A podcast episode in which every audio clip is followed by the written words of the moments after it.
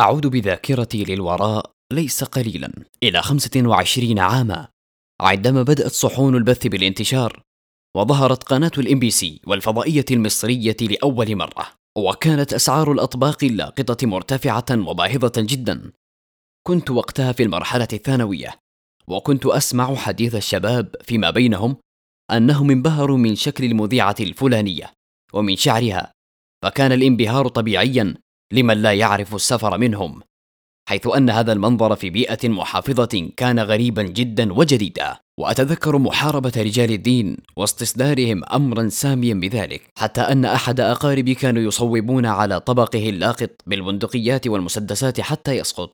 وانتهت الحرب سريعا وانتشرت الأطباق حتى في بيوت رجال الدين أنفسهم. وكلما مر يوم كلما ازدادت فيها قنوات البث الفضائية حتى أصبح ضمن القائمة أكثر من سبعين قناة دينية وشعبية وشعرية مضادة للقنوات التي يسميها البعض بالباهظة. وليتهم بدلا من محاربة الفكر بالعشوائية أن حاربوها بمثلها.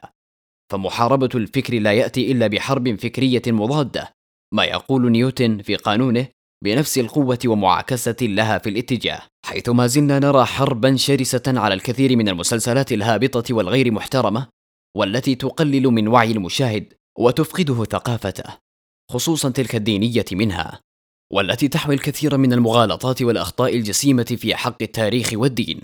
وما أقصد هنا أن الممثل الذي نحاربه هو من عامة الناس ينتظر رزقه وأجرته من وراء هذا المسلسل والكثير منهم لا يعنيه السيناريو أصاب أم أخطأ. والسؤال هنا أليس لدينا نحن أيضا منتجين وكتاب نختارهم بعناية ونقوم بنفس الأعمال وبنفس الممثلين ولكن برؤيتنا التي نراها صحيحة؟ أليست هذه المواجهة الحقيقية بيننا؟ بدلا من مهاترات الواتساب ورسائل طلب المقاطعة والتي لا ينفذها أصلا مرسلها ولا يطبق ما فيها. لماذا لا نكون صادقين مع أنفسنا في ذلك؟ لماذا لا نعي بأننا نواجه حربا فكرية؟ تستوجب منا حربا مضادة. نقاوم ما يغزون به غيرنا. بدلا من وضع اللوم على الممثلين وغيرهم من القائمين الباحثين عن أجرتهم فقط لا ونلطم خائبين على انهيار في ثقافتنا وسلوكياتنا. وصلت بنا لدرجة قتلنا من قبل أبنائنا وإخوتنا وأبناء عمومتنا وأصدقاء لنا.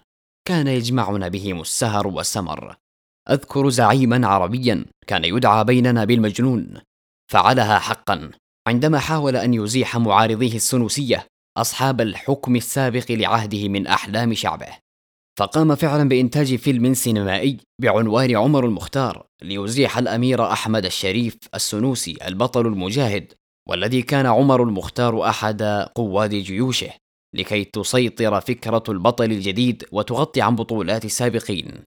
فقام فعلا بإنتاج فيلم سينمائي بعنوان عمر المختار ليزيح الأمير أحمد الشريف السنوسي البطل المجاهد والذي كان عمر المختار أحد قواد جيوشه لكي تسيطر فكرة البطل الجديد وتغطي عن بطولات السابقين أو الأمراء الأصليين وهذا ما قصدته.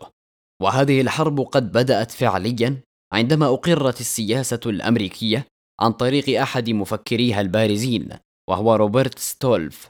والذي ألف كتاب معركة الأفكار في الحرب على الإرهاب.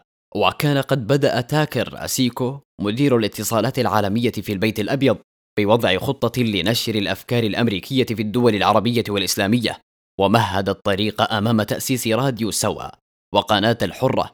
وقال في ذلك الوقت نملك المال ونملك الخبرة ونملك الأفكار ولن يقدر إنسانا على الوقوف أمامنا واستطاعوا فيما بعد وبعد دراسات عميقة أن يكسبوا الحرب عن طريق ثغرة قوية.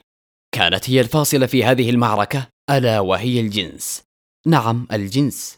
هو ما يمكن أن نكسب عن طريقه عقول العرب وهو ما يمكن خلاله كسر عزيمتهم وتحطيم نفسياتهم. إنه باختصار المحفز الأشد إثارة ووسيلة التعذيب الأشد إيلاما. فأصبحوا اليوم يستخدمونه لتسويق الأفكار وللتعذيب وأنتم تعرفون وتشاهدون القنوات الأمريكية الناطقة بلغة الجسد.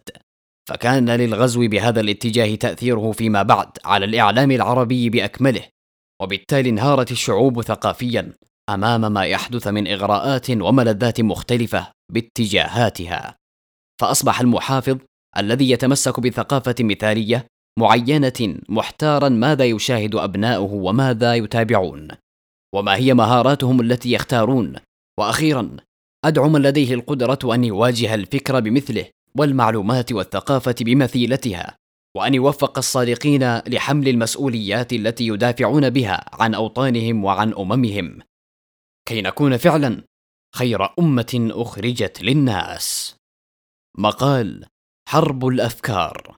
بقلم الكاتب حمزة عصام بصنوي.